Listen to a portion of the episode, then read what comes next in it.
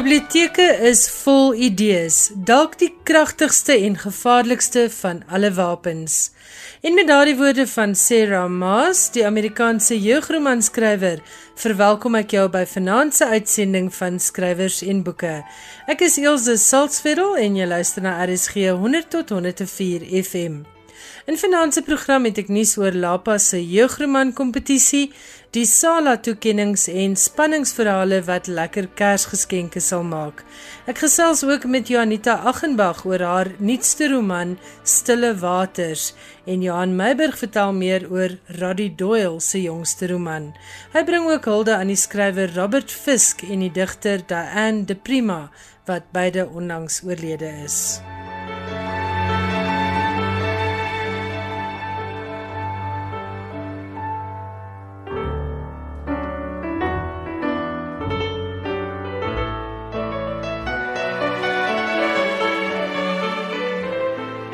Ons skop af met die goeie nuus dat die digter Marlies Joubert se digbundel Grondwater die afgelope naweek vir die tweede keer hierdie jaar bekroon is. Die bundel wat in 2019 by Protea verskyn het, is Saterdag aand tydens die jaarlikse SALA of South African Literary Awards bekroon met die Afrikaanse Poesieprys. Grondwater is ook onlangs met 'n ATKV woordfeertjie bekroon. Lisa Albertine de Tooi is met die Sala debuutprys bekroon vir haar roman Die kinders van spookwerwe. Ander wenners van Sala toekenninge is as volg: In die kinderboekafdeling het Nikki Daly se It's Jamela met die lauwere weggestap. Die kinderverwerking van Trevor Noah se biografie Born a Crime is bekroon as vanjaar se Sala wenner in die afdeling vir jeugliteratuur. Die Sala vir die beste Engelse debuutroman is toegekend aan Trevor Sachs vir sy roman Lucky Packet. Die toekenning vir die beste Engelse digbundel het gegaan aan Musa Wenkosi Kanyile met All the Places. Dan is Tony Strasburg met twee salas bekroon. Die eerste een is vir beste nuwe fiksieboek vir Holding the Fort: A Family Torn Apart. En hierdie boek is ook bekroon met die prys vir beste skepende nuwe fiksie. Fiona Snickers se Lacuna het die romanprys verower en Fred Komalo het die Nadine Gordimer kortverhaalprys ontvang vir sy verhaal Talk of the Town. Die Kasselo Duiker Gedenkprys is vanjaar toegekend aan Pumlani Piccoli met Bon Freeloaders. Vir die volledige lys van Sala wenners, gaan maak gerus 'n draai op hulle webwerf by sala.org.za. En baie geluk ook aan al die wenners van skrywers en boeke se kant. Jy luister na skrywers en boeke, jou belangrikste bron oor Afrikaanse boeke. Dan deel ek graag nuus oor Lapa se jeugroman kompetisie en as jy daarvan droom om 'n jeugroman te skryf, moet jy beslis nou mooi luister. Daar is R50000 se prysgeld op die spel, plus natuurlik die kans om jou storie in boekvorm te sien. En die goeie nuus is dat jy omtrent presies 'n jaar het om hieraan te werk. Lapa se jeugroman kompetisie is nou al bekend daarvoor dat dit elke 2 jaar uitstekende verhale oplewer. Vorige pryswenners sluit in Fanny Viljoen met Offers vir die vlee en Afkop, Marita van der Vyver met Al wat ek weet en Jan Vermeulen met Buster, Oopmond en Asem. Die kompetisie het ook al debuutskrywers soos Zelda Besuidnout opgelewer. Prysgeld, soos ek sê, beloop R50000. Die wenner kry R25000 en dan is daar R12500 vir twee naaswenners. Dis nou R12500 elk vir twee naaswenners. Die manuskripte op die kortlys staan ook almal 'n kans om gepubliseer te word.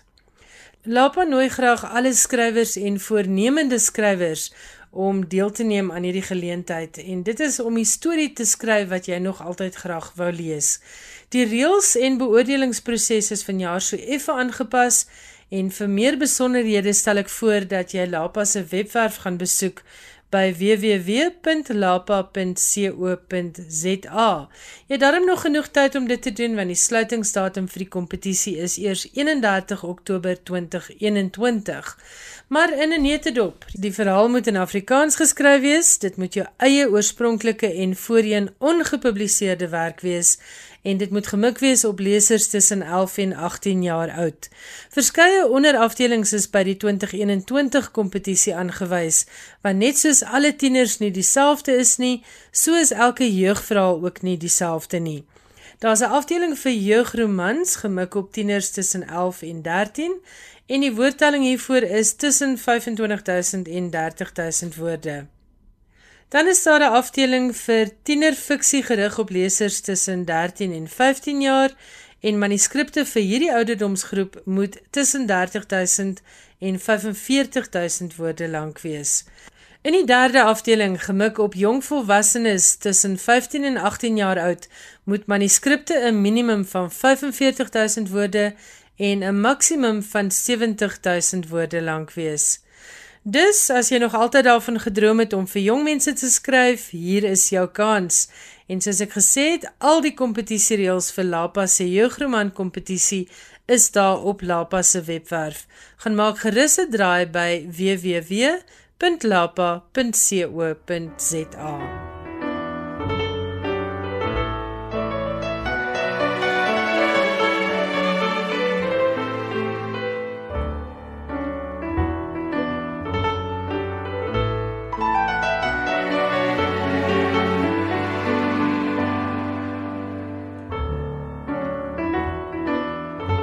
van fiksie vir jong volwassenes gepraat.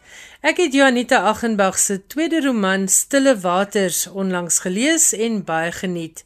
Hoewel hierdie deernisvolle roman nie as jong volwassene fiksie geklassifiseer word nie, is dit beslis 'n boek wat volwassenes en ouer tieners eweveel sal geniet. Dit vertel die verhaal van twee vroue en hulle twee tieners en elke klein gesinnetjie se unieke uitdagings.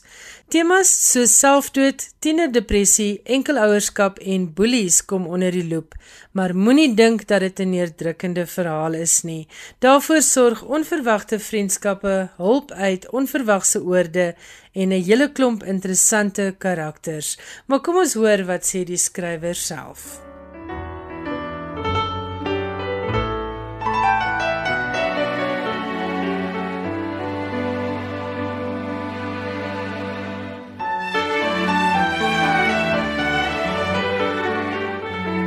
Ek gesels met Janita Aghenbach en ons het voorheen met haar op skrywers en boeke gesels oor haar vorige roman Gister is verby. Janita, baie welkom by Skrywers en Boeke. Vandag praat ons oor Stille Waters. En dis 'n lieflike roman wat soos die omslag tereg sê 'n aangrypende verhaal is vir volwassenes sowel as vir tieners. Het jy dit bedoel om 'n boek te skryf wat deur beide lesersgroepe geniet sal word? Hallo Ilse, ja nee, dankie dat ek hier met jou kan gesels. Dit is lekker. Oorspronklik was my idee dat dit eh, 'n boek vir volwassenes moet wees want dis maar die mark waarvoor ek normaalweg skryf. Maar ek ek dink by inbring van Katrien was die idee dat volwassenes sou deur Katrien se lewe ook maar 'n bietjie sien van die tiener uh lewe. En toe kry Katrien soveel lewe in die boek en Divan se lewe begin toe uitgebeeld raak deur sy briewe. Ja, dat dit eintlik toe twee tiener karakters in die boek het.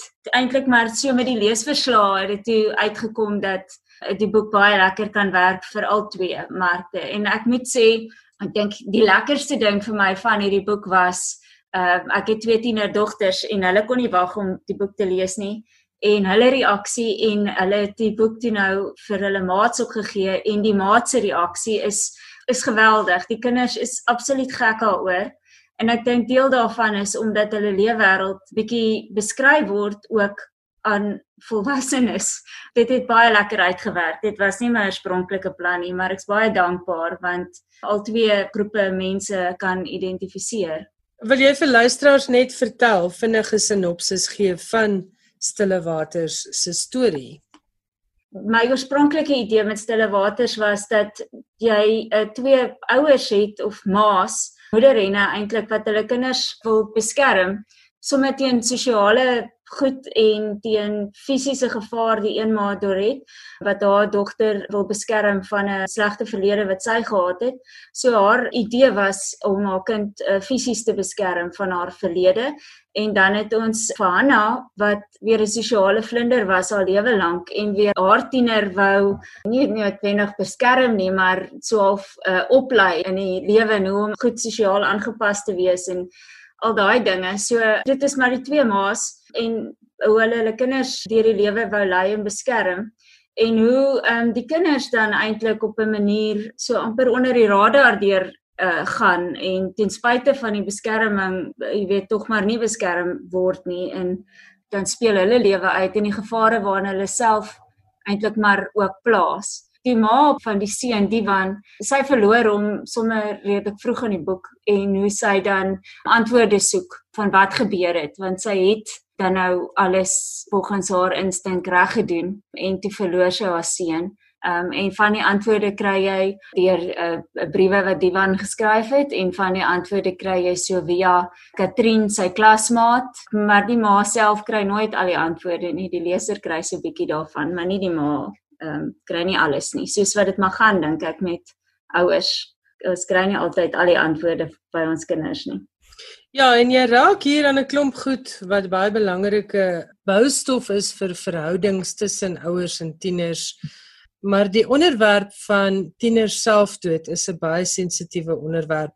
Ek dink selfdood in die algemeen is 'n baie sensitiewe kwessie wat verskriklik baie ja. hartseer ja. Hoe het jy dit aangepak? Navorsing dalk, het jy met mense gepraat wie se geliefdes selfdood gepleeg het? Ja, dit is eintlik wat maar gebeur het is ek het uh so toe ek nou klaar is met my vorige boek, dan gewoonlik dan spits ek maar my ore vir wat om my aangaan. En op daardie stadium was daar 'n paar berigte gewees so kort na mekaar van uh, tieners wat gesterf het aan selfdood. En dit het nou my aandag getrek want uh, ek wonder maar altyd uh, ek het maar sielkunde en kriminologie gaan swat omdat ek belang gestel het in wat in mense se koppe aangaan. So dit het maar weer daai vraag wakker gemaak by my. Wat het wat gaan in daai kinders? Wat het in hulle koppe aangegaan?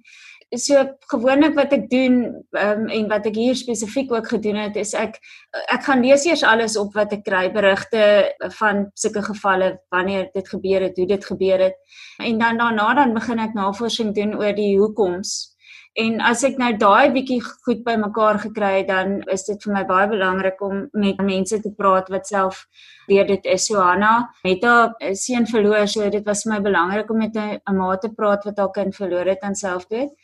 En ja, dit sy was ongelooflik ook geweest. Sy het my sommer ehm um, nou 'n groep uh, vroue uh, wel compassionate friends toe gevat wat bymekaar kom elke maand. So daar kon ek ook baie lekker met die ma's gesels en maar net hulle harte hoor en die opgewondenheid oor hulle ook oor hierdie boek. Dis vir hulle wonderlik om te weet dat hulle storie ook vertel kan word want mense soos jy sê, is, mense wil nie daaroor praat nie en mense weet nie hoe om met jou daaroor te praat nie. So mense vermy jou maar en dit was maar die ervaring van die ma's ook. So dit was vir hulle lekker geweest dat iemand hulle nie vermy nie en die storie wou uh, vertel. En dan het ek met 'n ma gepraat wie se kind in 'n kliniek was en haar ervaring en dan het ek weer uh, met 'n kind gepraat wat uh, gesukkel het met um, tiener uh, depressie. So so ja, dit is dis maar die belangrikste ding. Ek het maar geleer dat ehm um, ek skryf fiksieboeke en alhoewel dit so is, ehm um, dat die karakters persoonlikhede van hulle eie het. Ja, mens kan nie hierdie goed uitdink nie. Ehm um, jy kan nie iemand se gevoel um, in 'n spesifieke situasie uitdink. Ehm um, nee, jy kan dink hoe sal ek dit hanteer dit? Maar ehm um, ja, dis net dis net soveel beter dit hoe mense optree en wat hulle dink en hoe hulle fisies ehm um, voel in situasies word eintlik maar net deurgegee deur iemand wat self deur dit is en dit is dit wat ek probeer oorbring in die boek sodat mense 'n bietjie in hulle skoene kan stap en net so 'n bietjie meer empatie hê. Jy skryf met besonderse deernis as jy praat oor al hierdie ernstige kwessies. Kom dit nou maar uit daai agtergrond van jou as gekwalifiseerde sielkundige? Ek weet nie, ek dink ek probeer maar baie sterk oplet wanneer ek met iemand praat wat deur dit is en ek sal baie spesifiek die vraag vra en dit kom seker maar van die sielkundige kant af is daai die regte emosie, die regte gevoelens en en dan probeer ek dit deurbring. Ag, 'n mens vra mens maar jouself ook af, jy weet hoe sal ek voel en dan probeer jy dit maar so inleef. So nee, ek dink 'n 'n bietjie genade en 'n bietjie sielkunde en 'n bietjie regtig luister na die harte van die mense wat deur goed gaan.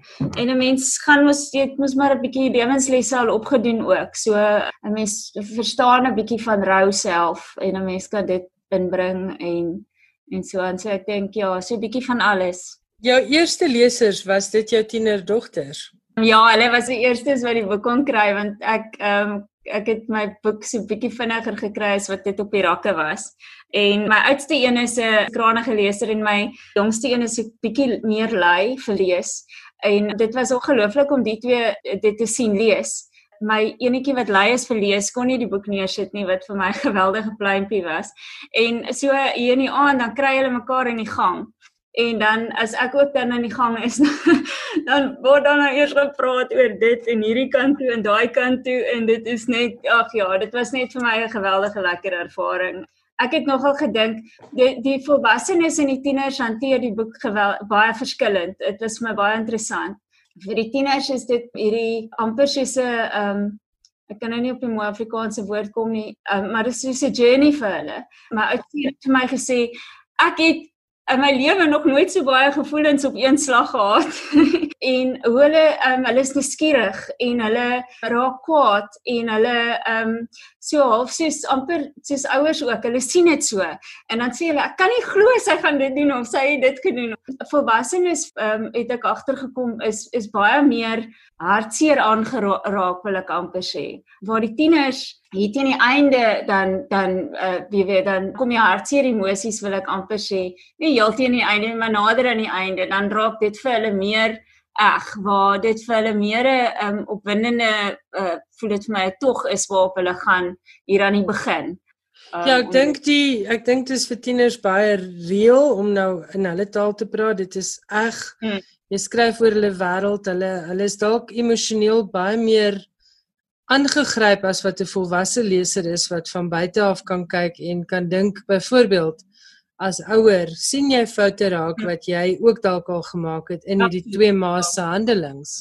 Ja, ek het dit baie in myself tog gesien. Want ek gedink o, my wêreld nee, dis beskruiklik. Want want dit is, ek het ook gevoel heeltyd ek doen dit. Ek maak hierdie foute en dan uh, dink ek ek moet dit nou beter maak. Maar wat hulle ook opgetel het en ek dink dit was deel daarvan is ehm um, hoe hulle hulle self kon gaan meet aan die karakters. En ek dink dis my hoofding met die boek wat ek so graag wil regkry en hoop gebeur is dat ouers en dit, wat dit nou lyk vir my dit met die tieners ook gebeur is dat ehm um, dit maak 'n bietjie 'n mense oë oop in terme van ouer hoe om te kyk na jou kind se tiener baie en iets wat jy tipies sal toeskryf aan jy weet hy's nou maar net 'n tiener so hy's baie rig teenoor wanneer is jou kind eintlik in gevaar ehm um, wanneer is jou kind se brein eintlik nie meer lekker besig om reg te funksioneer nie. Waar die tieners weer het ek opgetel, hulle kon hulle self gaan meet want depressie is 'n groot gonswoord onder die tieners by die skool. En soos my oudste vir my sê, jy kry twee tipes. Jy kry die wat almal dink hulle depressie as hulle net 'n bietjie hartseer is en dan kry jy die wat ooglopend nie okay is nie, maar hulle weier om te aanvaar dat daar potensieel iets met hulle fout is. En ek het self te doen gehad met ouers waar ek kon sien die kind kry verskriklik swaar emosioneel en die ouers het net eenvoudig geweier. Hulle hulle het net gesê daar's niks fout met my kind nie. Uh ek weet die skool het byvoorbeeld die ouers ook ingeroep en die ouers net gesê ek gaan nie my kind na sielkundige toe vat nie want wat gaan die mense sê. So jy kry daai twee kante. So wat ek by die tieners kon sien is, hulle kon duidelik nou sien hoe speel depressie homself uit en hoe lyk dit en hulle kon hulle self gaan meet daaraan. So die hoop is dat jy weet tieners hierna kan kyk en sê goed, ja, ek is bietjie af vandag, maar ek ek het nie dit speel nie so uit in my lewe nie. Of jy kan sê, weet jy, ek weet presies hoe hierdie kind voel. Dis hoe ek voel. OK, miskien moet ek met iemand gaan praat. En dan dieselfde met die ouers, dat hulle ook hierdie tekens kan sien en kan gaan regtig ernstig jouself afvra, ehm um, sien ek hierdie gedrag in my kind en, en miskien moet ek net 'n bietjie weet 'n gesprek met my kind hê of net 'n bietjie die gesprek oopmaak rondom dit. En so gesels Janita Aghenbach en ons praat oor haar roman Stille Waters, 'n boek wat ek definitief kan aanbeveel vir tieners en vir volwassenes. Ek weet nou nie noodwendig of mans dit gaan lees nie. Ek dink hulle kan. Ek dink jy praat definitief ook met mans in hierdie boek want die seun se pa ervaar sy dood op 'n ander manier as wat die ma dit ervaar. Jy praat hier ook met met paartjies eintlik want ek dink in ja. in 'n tyd van rou kan 'n mens verby mekaar begin leef. So ek dink ja. regtig dis 'n boek wat paas ook maar kan lees en ma's kan lees en tieners moet lees dink ek. As dan nou vanaand tieners luister, watse boodskap het jy vir hulle Janita? Ja, my boodskap is maar dat jy weet nie noodwendig as jy in 'n in 'n gat is of jy voel nie vreeslik fantasties nie vir 'n ruk en jy weet nie wat met jou aangaan nie. Jy's waarskynlik nie die enigste een wat nie weet wat met jou aangaan nie. So kry vir jou iemand wat jy vertrou en praat daaroor. Of dit is by iemand by 'n skool, soos 'n beraader by 'n skool en of dit is 'n vriend en laat die vriend dan vir jou met iemand gaan praat. Maar moet dit nie vir jouself hou nie, want wanneer jy dit vir jouself hou, dan gee jy eintlik maar net deel aarde om om net verder seer te kry. En dis nie nodig nie want daar is vir jou hulp. En daar's altyd iemand wat bereid sal wees om te luister. En ja, ek dink as jy nie 'n onderwyser of 'n vriend het wat jy kan vertrou nie, dan moet een of ander volwassene in jou lewe wees. So die boodskap ja. van Stille Waters en ook hier van Janita Aghenbach af asseblief gaan praat met iemand.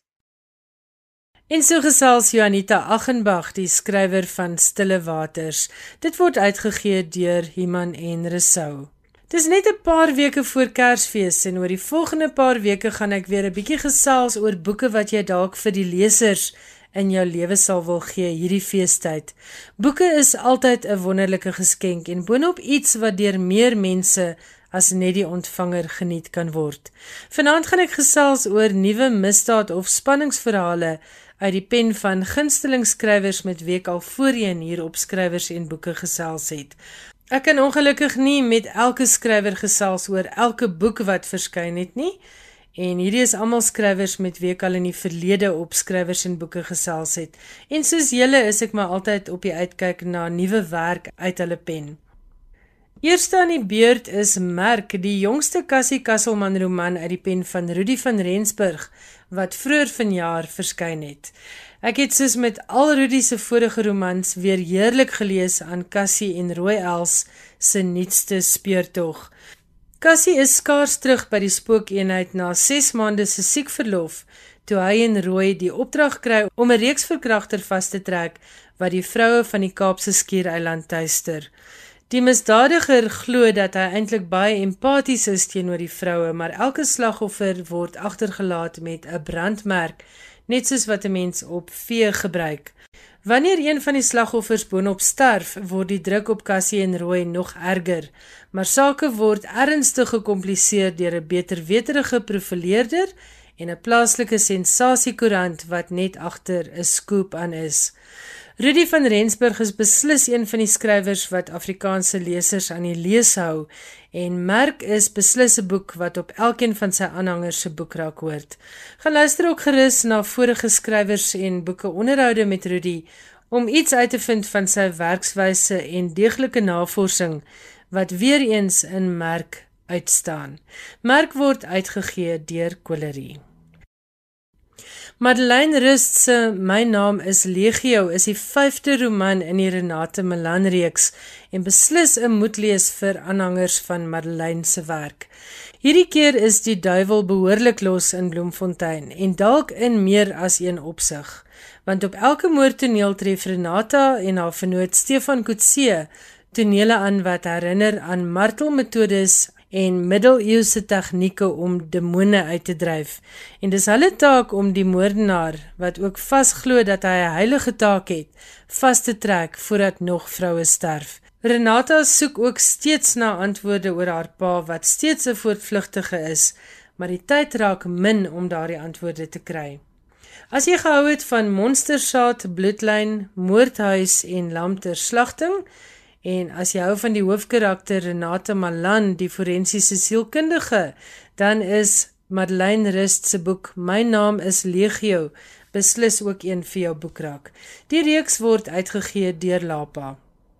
En soos in Rudy se geval, gaan luister gerus na my vorige onderhoude met Madeleine hier op skrywers en boeke. Dit is beskikbaar onder potgoeie op ons webwerf. En al wat jy hoef te doen om na vorige onderhoude te luister is om net die skrywer se naam by die soekfunksie in te tik. Aanhangers van Irna van Sail sal bly wees om te hoor daar is 'n derde spanningsroman uit haar pen op die rakke en jy sal bloedsteen geniet as jy gehou het van die vorige storm van 'n merwe speurverhale. Dinge ontrafel hierdie keer baie vinnig wanneer iemand speur adjutant Storm van der Merwe se ma voor 'n trein op Paddington stasie in Londen instamp. Storm self moet Londen toe om haar ma te gaan bystaan. Al is sy kniediep in die moordondersoek op 'n bekende Suid-Afrikaanse modeontwerper wat in 'n luukse hotel op Hermanus dood aangetref is. Boonop is Hermanus nie so stil en rustig soos altyd nie. Daarvoor sorg protesaksie oor dienslewering en 'n charismatiese profeet wat mense opsweep tydens sy byeenkomste. Asof dit nie genoeg is nie, besef Storm dat haar eie lewe ook in gevaar is. Tussen dit alles deur probeer Storm se gewese kollega 'n skaars rooi diamant opspoor. Maar presies hoe al hierdie stukke van die legkaart in mekaar pas, sal jy self maar moet gaan ontrafel. Die roman neem die leser op 'n reis van Hermanus na Londen en Antwerpen en gaan maak ook 'n draai by Port Nolloth. Bloedsteen deur Irna van Sail het vroeër vanjaar by Penguin Random House verskyn. Gaan luister gerus ook na die potgooi van my vorige gesprek met Irna.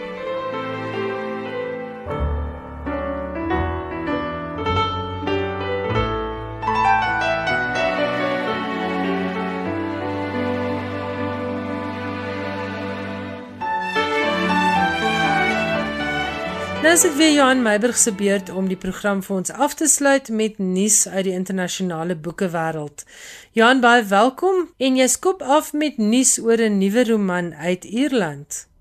Goeie nuus vir aanhangers van die skryfwerk van die Ierse skrywer Roddy Doyle is dat Love, sy jongste roman, volgende maand verskyn.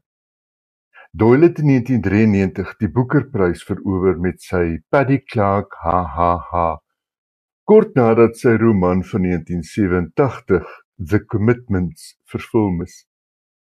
Doyle se roman speel grootliks in Ierland af, spesifiek in die werkersklas gemeenskappe van Dublin.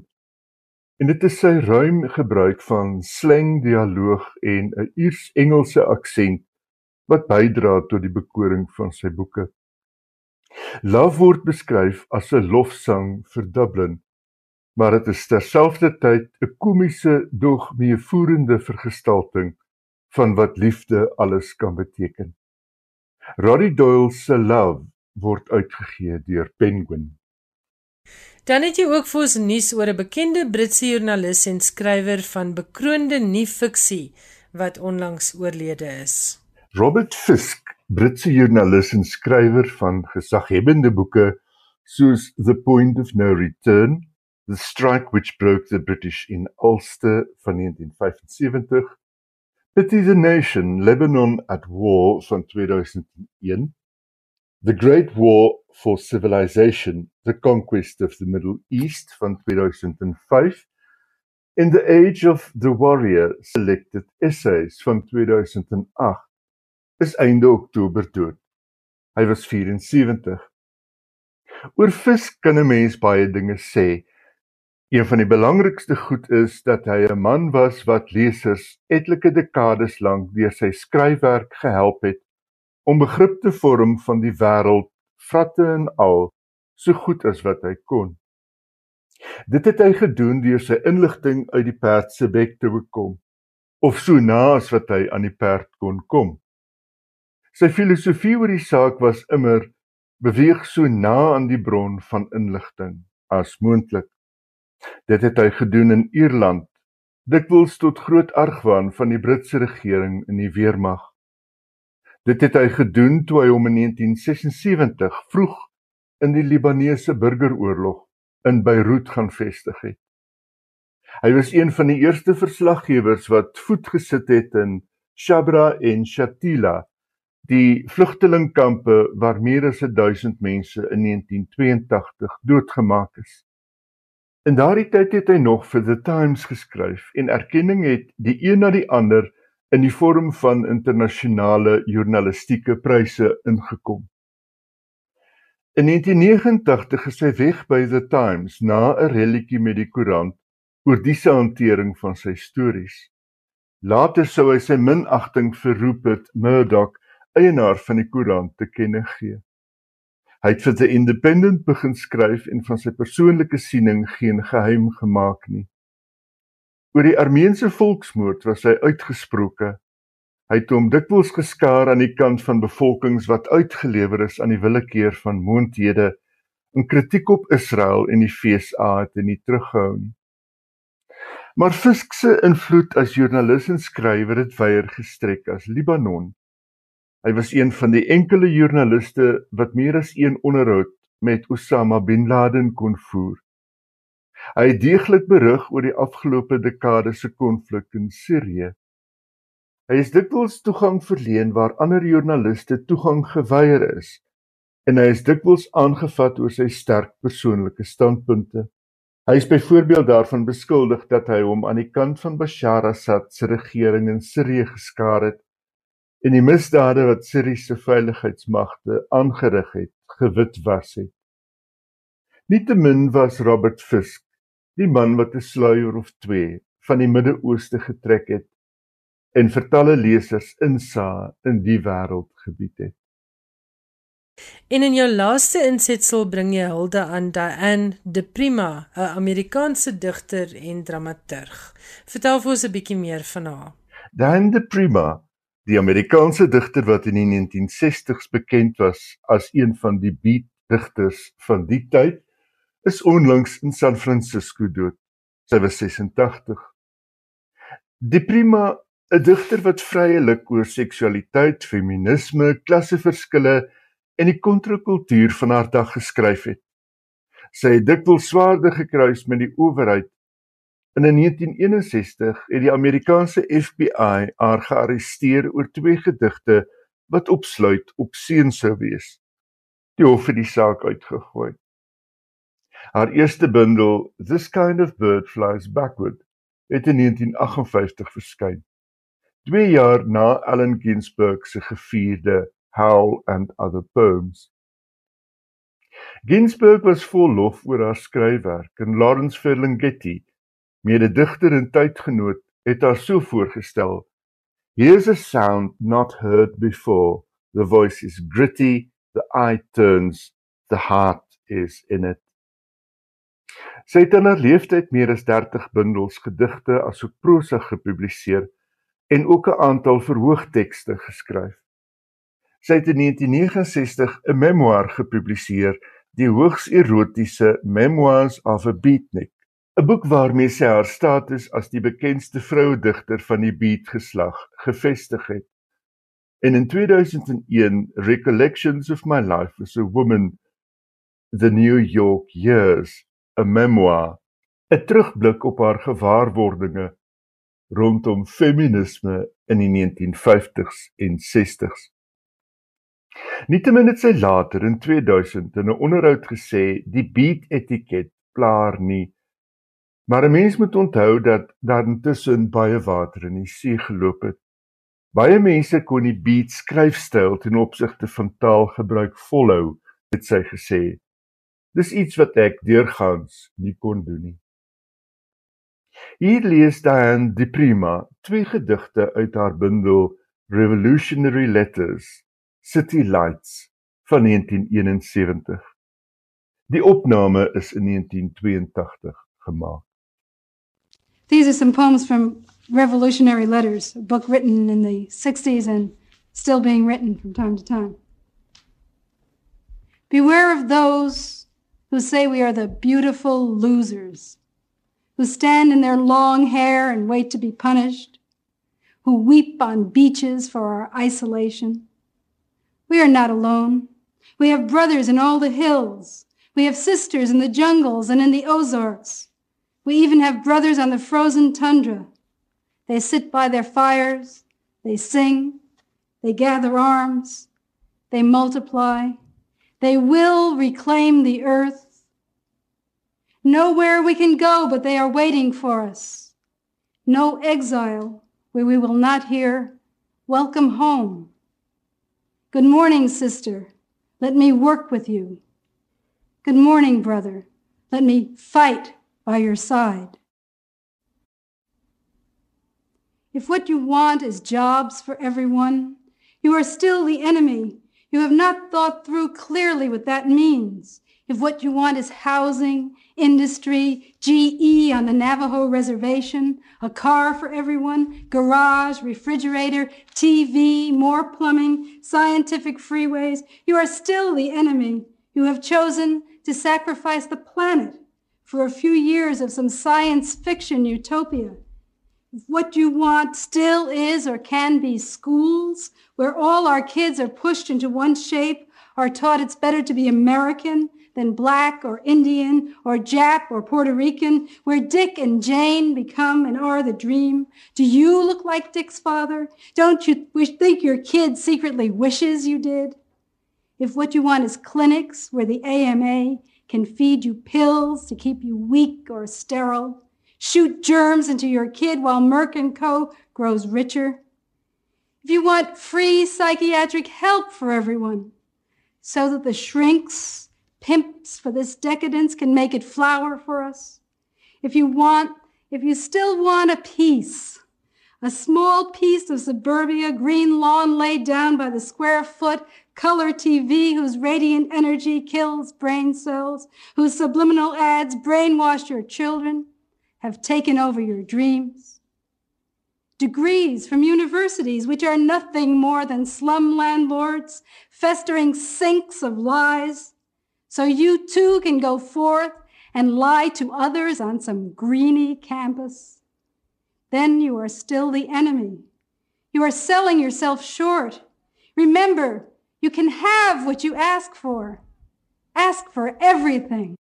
Dit was die stem van Diane de Prima, Amerikaanse digter en dramaturg.